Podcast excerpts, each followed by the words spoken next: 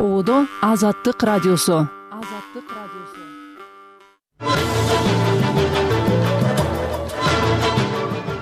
Кутман кечиңиз менен азаттык жыйырманчы февралдагы кечки уктурууларын баштайт берүүнү алып барып жаткан кундуз кызылжарова бүгүнкү баяндардын кыскача мазмуну. Кызыл омполдогу уран кенин иштетүү демилгесин кайрадан көтөрүлдү. Президент жапаров бул жолу кенди мамлекет өзү иштетерин жана андан экологияга зыян келбесин билдирди. Бул жерде биринчиден миңден ашык жаңы жумушчу орун пайда болот. Ушул эле чөлкөмдөгү өзүңөр иштейсиңер да. Экинчи кумтөр пайда болот да экинчи кумтөр. Үйү борбордук жылытууга кошулган бишкектин айрым тургундары жылуулук начар болуп жатканына даттанууда ал арада кыргызстандын жолдору тайгак экенин да айткандар болууда. Үч төрт күндөн бери абал начар болуп атат чындыгындачы жолдор тазаланбайт проспект мира көчөсү тазаланат башка көчөлөр ошол боюнча эле турат. Аварияларды көрүп атабыз а чет жактарда вообще эле? Залга же кухняга чыксаң кадимкидей суук. Израиль дүйнөлүк коомчулуктун газадагы операциясыны токтотуу талаптарына карабастан чабуулдарын улантууда буга чейин жүргүзүлгөн сүйлөшүүлөрдүн биринен да майнап чыга элек ушул жана башка баяндарга кеңири токтолобуз эфирден алыстабаңыз. Жыйырманчы февраль шейшемби күнкү чыгарылышыбызды тыңдап жатасыз. Алгач кесиптешим санжар эралиев жаңылыктар менен тааныштырат саламатсызбы? Израиль шейшембиде газа тилкесине абадан сокку урду эл аралык агенттиктер акш жана европа биримдиги террордук деп тааныган хамас радикал уюму башкарган аймактын саламаттык сактоо министрлигине шилтеме менен жазганына караганда акыркы жыйырма төрт саатта жүз үч палестиналык израилдик аскерлердин соккусунан каза тапты. Бириккен улуттар уюму газадагы гуманитардык абалга тынчсыздануусун билдирип тамак аштын тартыштыгынан балдардын өлүмү көбөйүшү мүмкүн деп эскертип келатат. Согуш жүрүп жаткан төрт айдан ашык убакыттан бери анклавдын эки миллиондон көп калкы ачарчылык коркунучуна кептелди жарымынан көбү жер которууга аргасыз болду. Бул темада бир аздан кийин кененирээк макаланы угасыз ал арада казакстандын бейпилдик күчтөрү жакынкы чыгышка аттанууда. Жүз отуз тогуз аскер голан дөңсөлөрүнө миссияга кетүүгө даярданып жатканы тууралуу коргоо министрлиги билдирди. Алар бириккен улуттар уюмунун миссиясынын мандатына ылайык согушуп жаткан тараптар ортосунда ок атышпоо режимин сактоо максатын аткарат. Быйыл январда парламенттин эки палатасы президент касым жомарт токаевдин сунушун колдогон президент бейпилдик күчтөрүн жөнөтүү геосаясий чыңалуулар курчуп аймактык жана улуттук коопсуздукка коркунуч жаралып жаткан маалга туш келгенин белгилеген болчу. Ысык көлдөгү кызыл омпол кенин мамлекет өзү иштетүүнү пландап жатат. Бул тууралуу президент садыр жапаров балыкчы шаарында эл менен жолугушканда билдирди. Президенттин басма сөз кызматы жарыялаган видеодо садыр жапаров кызыл омпол иштетилсе миңден ашык жумушчу орунду түзүлөөрүн белгилеген миңден ашык жаңы жумушчу орун пайда болот. Экинчи кумтөр пайда болот. Бул деген сөз бул жергиликтүү бюджет дотациядан чыгат. Республикалык бюджетке э, салыктар түшөт. Э, пайдасы жүз пайыз биздин кыргызстанга калат расмий маалыматка ылайык кызыл омполдо болжол менен он төрт миллион жети жүз элүү жети миң тонна кен бар. Анын ичинен токсон беш пайызы титаномагнетит калганы фосфор циркония тория жана уран.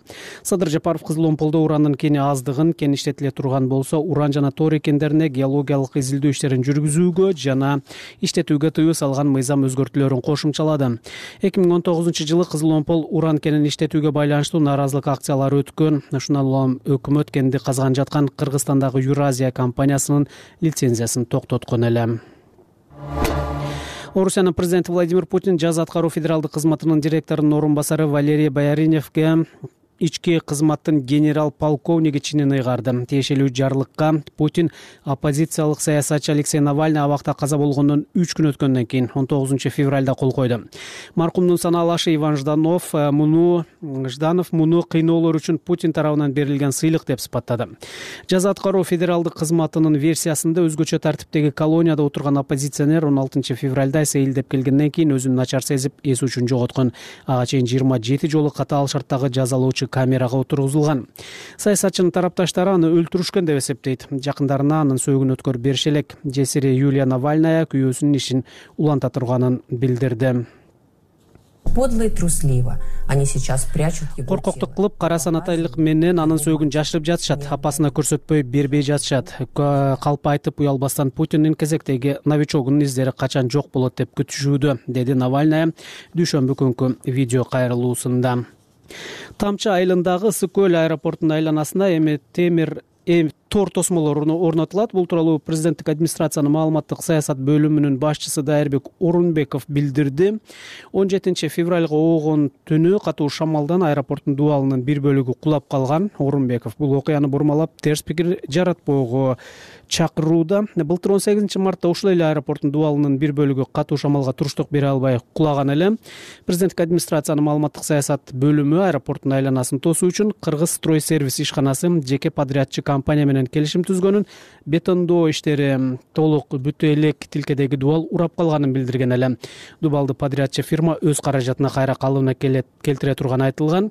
Тамчыдагы аба майданы кыргызстандагы эл аралык деген макам алган беш аэропорттун бири улуттук коопсуздук мамлекеттик комитети тажикстан кыргызстан өзбекстан багытындагы эл аралык уюшкан кылмыштуу топтун ишине бөгөт коюлганын билдирди. Ички иштер министрлигинин баңгизаттарды мыйзамсыз жүгүртүүгө каршы күрөшүү кызматынын баткен облустук башкармалыгынын кызматкери жана анын шериги бул кылмышка шек саналууда.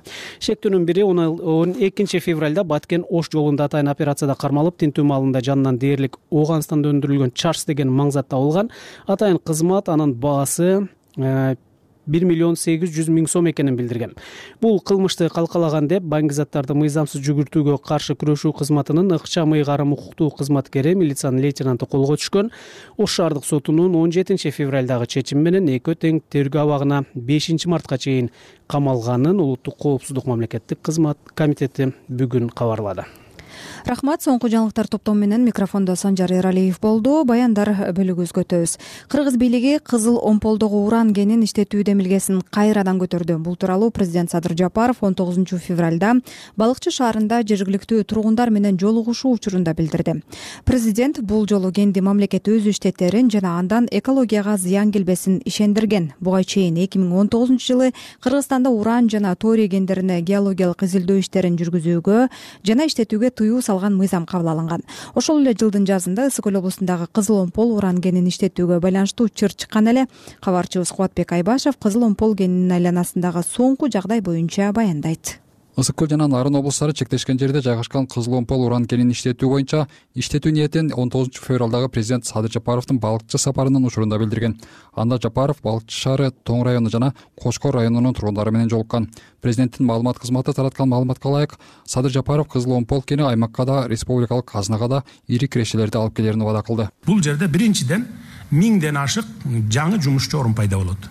Ушул эле чөлкөмдөгү өзүңөр иштейсиңер да экинчи кумтөр пайда болот да экинчи кумтөр. Бул деген сөз бул жергиликтүү бюджет дотациядан чыгат республикалык бюджетке э, салыктар түшөт. Э, пайдасы жүз пайыз биздин кыргызстанга калат. Э, ошентип баягы эл дагы бул жерден баийт анан баягы силер митингге чыгып иштетпей жөө жүрүш жасап койгондун бир чоң пайдасы болгон мен аны бир сындай албайм силер туура эмес кылгансыңар деп. Э, беш алты жыл мурун казганда э, жеке менчик компания казган казып баштаган да жүз пайыз пайдасы ошол жеке менчик э, компанияда калмак. А биз болсок былтыр лицензиясын жокко чыгарып туруп жүз пайыз мамлекетке алып койдук. Азыр кумтөрдү кандай иштетип жаткан болсок кызыл омполду ошондой жүз пайыз өзүбүз иштетебиз мамлекеттик медиа аталган жолугушууга катышкандардын дээрлик көпчүлүгү кенди иштетүү демилгесин колдоду деген тасма жарыялады. Анда жыйын соңунда президенттин сунушуна кол көтөрүп колдоп жатканын көрүүгө болот. Президент э, биздин ажабыбыз конституциянын гаранты аякта жазылган элди жерди бүт баарын коргой турганга жоопкерчиликтүү бир э, биз шайлап алган адамыбыз. Анан өзүм келип аткандан кийин мен мындай ойго келдим да демек бүт баарын эсептешти бүт баары тең карашты. Э, эксперттер келди бизге көрсөтүп атат анан дополнительный биздин ойду да угалы деп келген турбайсызбы? Деп сүйлөгөн кубатбек субанов аттуу тургун бирок бул жолугушуу жабык өтүп тизмеге кирген тургундар катышканы айтылды. Асия чомоева аттуу балыкчылык активист социалдык медиадагы баракчасына жолугушууда кенди казууга каршы болгондор да болгонун. Жергиликтүүлөрдүн катышуусунда комиссия түзүлгөндүгү тууралуу маалымат жарыялады. Садыр жапаров келди кечээ бардык. Жабык эшиктин артында уранды талкуу кылдык. Төрт каршы калганы макул менен тарадык. Он үч киши бизден комиссияга киребиз көрөлүк. Комиссия кандай иштээрин зыяны жок болсо кассын болбосо ажо өзү деле каршы чыгат да. Ошо кыскасы. Каршы чыккандарга эскертүү берилди. Камайбыз деп. Деп жазган активист постунда. Бул маалыматты балыкчы шаарынын тургуну айтбек абдубакиров деген тургун да ырастады. Азыр эл коркуп калды азыр элдин баары эле эми эл менен эл болобуз да. Элдин баары эле көчөгөн унчуп калыптыр макул дептир макул болсо макул кыргызстан өнүгүп өссүн дейбиз баарыбыз элечи туурабы анан көлгө зыяны тийбес сачылыш үчүн эл менен элбиз да эмне кылабыз азыр жалгыз сүйлөгөндөн да коркуп калдым бирдемесине алып барып калыш анан жумушта болчумун жумуштамын анын үстүнө катталып паспорт менен кирип атат каттап деген ошол. Өзүм деле ошол биринчи көкмөнөк ошо уранды биздин айылдан ачып атат кайсы бир жылдары баягы убагында жаптырып салып атып болуп кыргыз бийлигинин кызыл омполдогу уранды иштетүү маселесине астейдил мамиле кылып жатканынын жөнү бар. Анткени эки миң он тогузунчу жылы да өкмөт кызыл омполдогу уран кенин казууну демилгелеп чыккан. Анда жарандык активисттер менен жергиликтүү тургундар уран казууга караманча каршы чыгып бир катар нааразылык акцияларын өткөргөн. Кызуу коомдук талкуулардан соң жогорку кеңеш кыргызстанда уран жана торий кендерине геологиялык изилдөө иштерин жүргүзүүгө жана иштетүүгө тыюу салган мыйзам кабыл алып ага ал кездеги президент сооронбай жээнбеков кол койгон. Мындан улам өкмөт бул кенди казганып жаткан кыргызстандагы юразия компаниясынын лицензиясын токтоткон. Ал эми садыр жапаров ал мораторий кайра жоюларын билдирди. Өкмөттүн көрсөткөн маалыматы боюнча кызыл омпол кенинде чалгындалган жана болжолдонгон пайдалуу компоненттердин көлөмү он төрт миллион жети жүз элүү жети миң тоннаны түзөт. Анын ичинде токсон беш пайызын титаномагнетит үч пайызын фосфор эки пайызын цирконий нөл бүтүн жүздөн жыйырма эки пайызын торий жана нөл бүтүн жүздөн он жети пайызын уран түзөт тоо кенчилер бирлигинин төрагасы дүйшөнбек камчыбеков үч жүз миллиард долларлык кен байлык деген мазмундагы билдирүүлөрдө астейдил болуунун эскертет. Ал кызыл омпол толук чалгындала электигин айтып өлкөдө уран казууга каршы мыйзам бар экенин белгиледи ал жерде изилденген кендерден болгону уран гана кени изилденип бир участок боюнча таш булак деген участок боюнча үч жарым миң тонна уран бар экен деп ал жанагы көк мойнок деген айылдын үстүндө бакы белине чыгып бараткан жерде жайгашкан да. Башка кендер прогноз түрүндө титаномагнетит деген кен бар экен. Ал жерде бир жарым миллион тонна запасы бар экен деп бир жарым миллион тонна бул бир жылдык эле иштете турган кен сейрек кездешүүчү металлдар дагы болуп калышы мүмкүн деп айтылган да. Бир дагы түрү изилденип аныкталган эмес. Үч жүз миллиард бул деген такталбаган маалымат. Бул маалыматты коомчулукка айтып э, жогору жактагы бийликтерге дагы адистерди аралаштырбай айтып аткан адамдар булар ошол мурун аракет кылып кызыл омпулдагы э, кенди иштетебиз деген россиялык компаниянын өкүлдөрү да расмий маалыматка ылайык кызыл омпол тоо кен участогу бир миң тогуз жүз элүү биринчи жылы ачылган. Ачык маалыматтарда көрсөтүлгөндөй сссрдин убагындагы чалгындоо иштеринде анда жалпысынан он үч миң тонна уран бар экени. Анын үч жарым миң тоннага жакыны реалдуу казып алууга боло турган запас деп эсептелет. Кыргызстанда уран кенин чалгындоого кызыл омполду кошкондо жыйырма лицензия берилгени маалым болгон. Кубатбек айбашев азаттык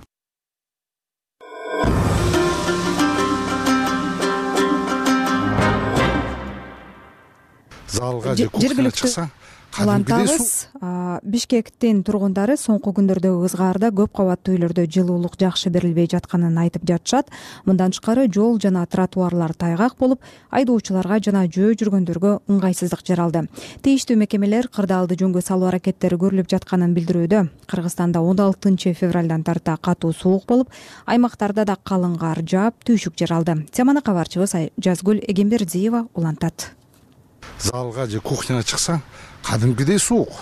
Могу үйлөр бат эле муздап калат экен да. Улан ибраимов бишкектеги алтынчы кичи районунда жашайт. Акыркы төрт күндөн бери көп кабаттуу үйдөгү батирей жылыбай жатканын айтууда.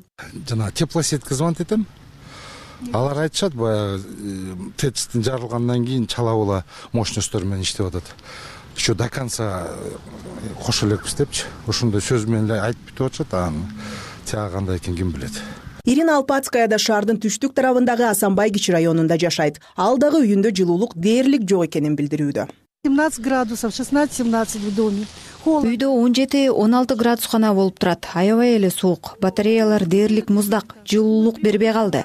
Ысык суу да жакшы эмес. Жылымык эле агып жатат. Электр жылыткыч күйгүзүп жатабыз бирок баары бир үйдүн ичи суук. Кичинекей неберем ооруп калды. Да электрообогреватель включаем но все равно не получается энергетика министрлиги соңку кырдаалга байланыштуу социалдык тармактагы баракчасында түшүндүрмө берди. Эгер сиздин температураңыз плюс он сегиз градустан төмөн болсо анда бишкек жылуулук тармагынын кол борборуна кайрылып билдирме калтырыңыз. Анын негизинде жылуулук жана ысык сууга кайра эсептөөлөр жүргүзүлөт. Бүгүн жылуулук электр борборунун активдүүлүгү акырындык менен жогорулайт. Натыйжада берилген ысык суунун температурасы дагы жогорулайт министрлик баардык райондордо он төрт бригада тынымсыз иштеп түшкөн арыздар боюнча актылар түзүлүп жатканын кошумчалады. Бишкек жылуулук электр борборундагы жабдуулардын эскилиги жеткендиктен алар бузулган учурда ыкчам аракеттер көрүлүп жатканы да белгиленди. Экинчи февралда бишкек жэбинде жарылуу болуп электр энергиясын өндүргөн жана жылуулук берген от казандардын көбү өчүп калган. Кырсыктын кесепеттерин жоюу иштери дароо башталып жылуулук жана ысык суу берүү кайра калыбына келтирилген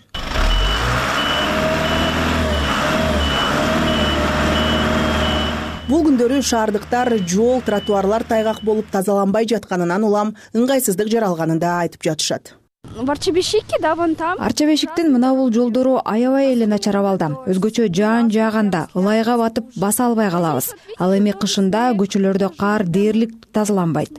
Автобустар өтө албай кыйналат. Тоже нормально но здесь не чистят. Жакшы эле болуп атко жолдо тазаланып атат мына өзүңөр көрүп атасыңар. Ылдый жакты тазалап атышат. Тазалоочу машина бул көчөгө кирбейт а кандай тазаланат жолдор? Өзү эрип кетет ушу мына жатат. Өлө тайгалак невозможно басканга жакшы. Тайгалак болуп атат аябай эле. Монтип эле айда кийим сийимдердин баары кирип болуп жыгылып. жыгылып ушундай болуп атат. Бишкек мэриясы тазалык муниципалдык ишканасынын кызматкерлери иштеп жатканын шаардын көчөлөрүнө кырк эки тоннадан ашык техникалык туз себилгенин кабарлады жолдогу абал тазалап атышат бирок жетишпей атат техникасы тротуарлар вообще тазаланган жок биягында үч төрт күндөн бери абал начар болуп атат. Чындыгындачы. Жолдор тазаланбайт проспект мира көчөсү тазаланат башка көчөлөр ошол боюнча эле турат. Аварияларды көрүп атабыз. Баардык жолдор тайгалат эч жерге эчтеке чачылбайт. Кечээинде мен өзүм көзүм менен көрдүм беш он метрге бир лопатадан песок чачып эле кетип атат. Болду ал эчтекеге жардам бербейт да мен көп деле неметпейм жүрбөйм бирок эми жакшы баарын эле тазалап э, аракет кылып атышат да? Мына биздин айылдын ичи. Катуу суу каймактарды дагы түйшүккө салып жатат. Оштун алайкуу өрөөнүндө бийиктиги бир метрден ашкан кар жаап жолдор жабылып көчкү түшүп жатканы белгилүү болду. Бул боюнча көңдүк айылынын тургуну кылымбек козубаев айтып берди. Кечээ жааган кар токсон сантиметр жаады да. Мурунку кар менен биригип азыр бир жыйырма кар бар да бизде. Жолду алайкууга чейин бир ачып барып жолдо калган машинелерди жеткизди эле кайтара дагы жол көчкүлөр түшүп азыр ушу данный моментте жол жок да алайкууга кар көчкү түшүү коркунучтары нарын жана ысык көл облустарынын айрым жерлеринде да сакталууда. Он жетинчи февралда нарын районунда кар көчкү кырк жаштагы тургунду басып калып ал каза болгону кабарланган. Он сегизинчи февралда ош облусунун алай районунда элүү эки жаштагы аңчылыкка чыккан эркек кишини да кар көчкү басып калган. Кыргыз гидромет кызматы он алтынчы февралда кыргызстандын аймагында күн кескин сууктап он жетинчи февралдан баштап аба ырайынын кескин өзгөрүшү күтүлөөрүн эскерткен суук аба ырайы кыска мөөнөткө созулаары айтылган. Жазгүл эгембердиева нурлан бейшибаев азаттык эми эл аралык темаларга кайрылабыз. Израиль дүйнөлүк коомчулуктун газадагы операцияны токтотуу талаптарына карабастан чабуулдарын улантууда. Буга чейин жүргүзүлгөн сүйлөшүүлөрдүн биринен да майнап чыга элек дээрлик беш айдан берки согуштун айынан газада гуманитардык кырдаал курчуп эң оболу жаш балдар кооптуу абалда калганын эл аралык уюмдар кабарлап жатышат. Сөз кабарчыбыз рахат кеңешовада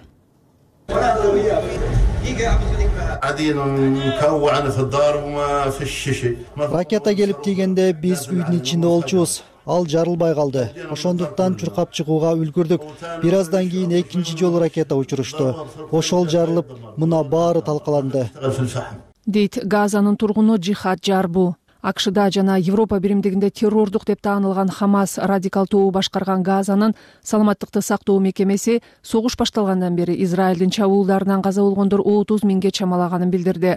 Бириккен улуттар уюму газада тамак аш жана суу аябай тартыш экенин беш жашка чейинки балдардын токсон пайызы жугуштуу оорулар менен ооруп жатканын балдар өлүмү кескин көбөйүшү мүмкүндүгүн эскертүүдө израиль эгер хамас барымтада кармап турган адамдарды рамазан айы башталгыча бошотпосо эл аралык коомчулуктун эскертүүсүнө карабай рафах шаарына операциясын баштай турганын билдирүүдө. Израилдин аскердик кабинетинин министри бенни ганц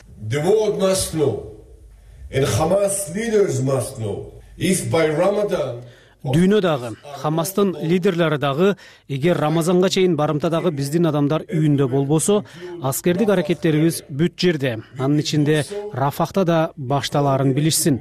Хамаста азыр тандоо бар. Алар колго түшүп барымтадагыларды бошотуп ал эми газанын жай тургундары рамазанды майрамдай алышат.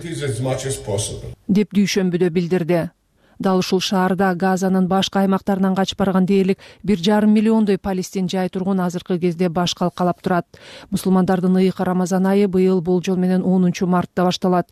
Тынчтык сүйлөшүүлөрүнүн келечеги бүдөмүк болуп турган шартта израилдин акш баштаган союздаштары жана бириккен улуттар уюму аны рафахта масштабдуу операция баштабоого үндөп жатышат. Израиль газанын египет менен чектеш тилкесиндеги бул шаар азыр хамастын акыркы таянычы болуп турганын айтууда ал арада израилдин өзүндө өкмөткө каршы акциялар уланды. Дүйшөмбү күнү иерусалимде миңдеген киши көчөгө чыгып хамастын колунда барымтада турган израилдиктерди бошотуу аракетин тездетүүнү талап кылышты. Акциянын катышуучуларынын бири лерон прец биз бүгүн өкмөткө кайрылып токтогула. Азыр мунасага келгиле. Башка мүмкүнчүлүк болбойт. Башка мүнөт да секунда да болбойт деп жатабыз деп кабарчыларга билдирди ал эми израилдин парламенти өлкөнү газа боюнча геноцидке айыптаган билдирүүлөрдү колдогон ашынган солчу саясатчыны кетире алган жок. Офер касиф хамаска каршы экенин билдирип келет бирок ал израилдин газадагы азыркы согушун айыптаган ачык катка кол койгон. Депутатты парламент мүчөлүгүнөн ажыратууга макул деп сексен беш добуш берилди. Чечим колдоо табыш үчүн кеминде токсон добуш зарыл болчу. Бириккен улуттар уюмунун эл аралык соту өткөн айда түштүк африканын израилди геноцидке айыптаган арызын карап андайга жол бербөөгө чакырган болчу. Израилди геноцидке айыптаган дагы бир билдирүү бул күндөрү дүйнөлүк коомчулуктун көңүл борборуна чыкты. Дүйшөмбү күнү журналисттер израилдин бразилиядагы элчиси бул өлкөнүн тышкы иштер министрлигине чакыртылганын жазышты. Бир күн мурда бразилиянын президенти израилдин азыр газада жасап жатканын гитлердин жөөттөргө каршы саясатына салыштырган болчу. Израиль бул билдирүүсү үчүн бразилиянын башчысы кечирим сурабаса аны нон град персонасы деп жарыялай турганын билдирген. Бразилия кечирим суроого негиз жок экендигин айтууда. Былтыр жетинчи октябрда хамас тобу израилдин аймагына кол салып бир миң эки жүздөй адамды дароо өлтүргөн. Дагы жүздөгөн адамды барымтага алып кеткен. Алардын жарымына жакыны али күнчө бошотула элек. Жөөт армиясы бул үчүн газага кирип аскердик операциясын баштаган. Рахат кеңешова азаттык. Азыр жыйырманчы февралда болгон негизги жаңылыктардын кыскача топтомун эске сала кетели израиль шейшембиде газа тилкесин абадан соккурду ал арада казакстандын бейпилдик күчтөрү жакынкы чыгышка аттанууда. Ысык көлдөгү кызыл омпол кенин мамлекет өзү иштетүүнү пландап жатат орусиянын президенти владимир путин жаза аткаруу федералдык кызматынын директорунун орун басары валерий баэриновке ички кызматтын генерал полковниги ченин ыйгарды. Тамчы айылындагы ысык көл аэропортунун айланасына эми тор тосмолор орнотулат. Атайын кызмат тажикстан кыргызстан өзбекстан багытындагы эл аралык уюшкан кылмыштуу топтун ишине бөгөт коюлганын билдирди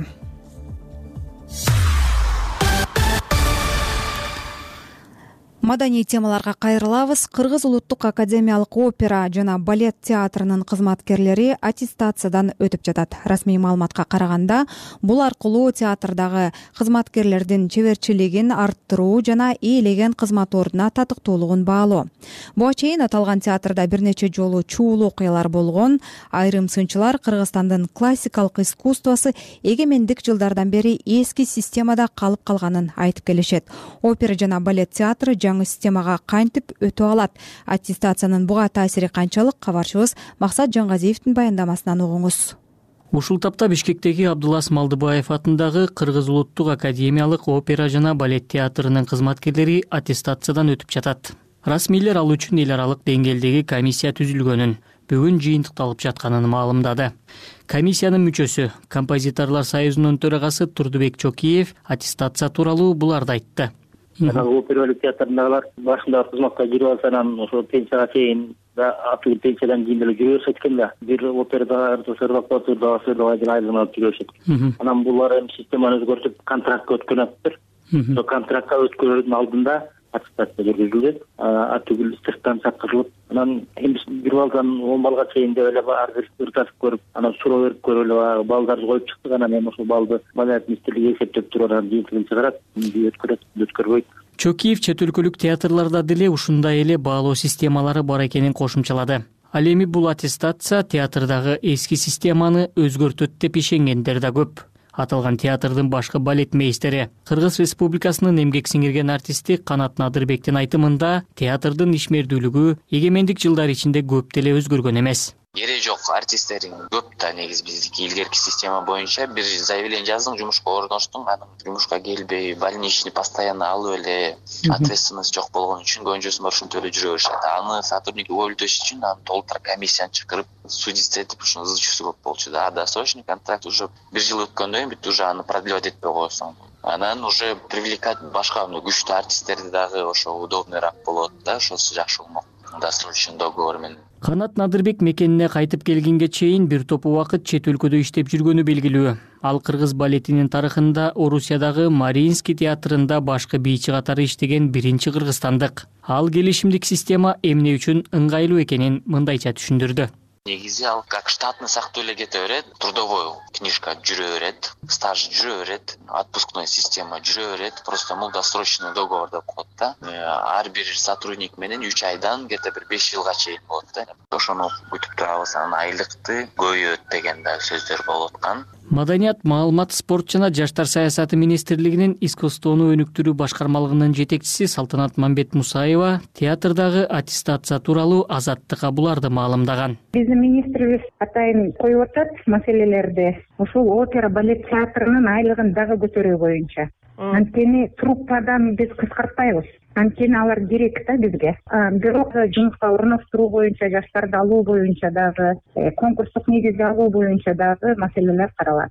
Атын атагысы келбеген театр кызматкерлеринин бири маданий жайда аттестацияга каршы болгондор да бир топ экенин. Эгер алдыда айрым артисттер кыскартууга дуушар болсо нааразычылыктар болоорун айтып жатат. Аталган маданий жай өлкөдөгү жападан жалгыз опера жана балет театры саналат классикалык искусствонун өкүлдөрү айлык акынын аздыгынан кошумча жумуштарда иштөөгө айрымдары башка өлкөлөргө кетүүгө аргасыз болгонун даттанып келишкен.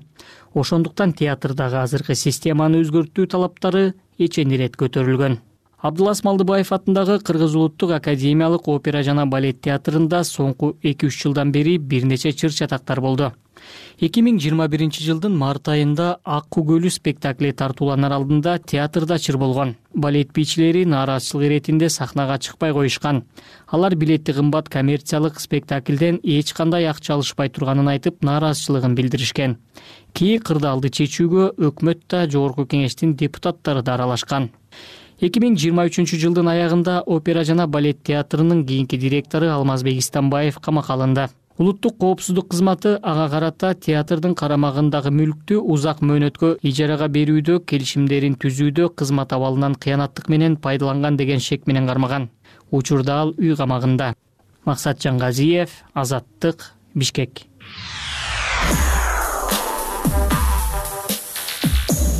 кадырман угарман сиз тыңдап жаткан азаттык радиосу эфирибизде жаңырган баардык макала баяндардын э, э, версиялары азаттыктын чекит азаттык чекит орг сайтында турат. Андан тышкары ютубтагы каналыбызга кирип видеолорубузду көрүп пикир калтырып социалдык тармактарда бөлүшсөңүз болот. Эми кыргыз эл акыны шайлообек дүйшеевдин күздөгү ырын угуңуз азаттык радиосунда сөз дайра түрмөгү шайлообек дүйшеевдин. Күздөгү ыр араба талаа кезет кыңылдап ырдайт ырдайт кыйшайган араба кеч. Өзөндүн ташы калды. Өмүрдүн азы калды. О кудай чөптөп жүрүп өзүмдү ташыганбы? Саманга салат келем. Сабиске балап келем. Саңгылым өткөн экен. Санасам сарат менен. Жамандык жакшылыкты кылдымбы? Кимге кимге кылдымбы? Жакшылыкты жакшылык билбейм билбейм. Сүйдүмбү булуттагы жылдызды ойлободум. Жашадым урушпадым жамгырда жолдо болдум кыздарым сыйлашам деп күйөөгө тие качкан уулдарым жыргатам деп калаага кире качкан кемпирим бейитиңе кес кезде куран окуп кабарды жер үстүндө кесиптен турам окуп. Арабам ашчу төштө күндөрдү шыңгыратып күн батар жакты көздөй братам кылдыратып араба талаа кезет араба талаада кеч. Кызаргам күн батары жок кыйшайган араба кеч. Азаттык радиосунда сөз дайра түрмөгү шайлообек дүйшеевдин. Ушуну менен жыйырманчы февралдагы кечки уктурууларыбыздын алгачкы жарым саатын жыйынтыктайбыз. Программабыздын экинчи бөлүгүндө да биз менен болуңуз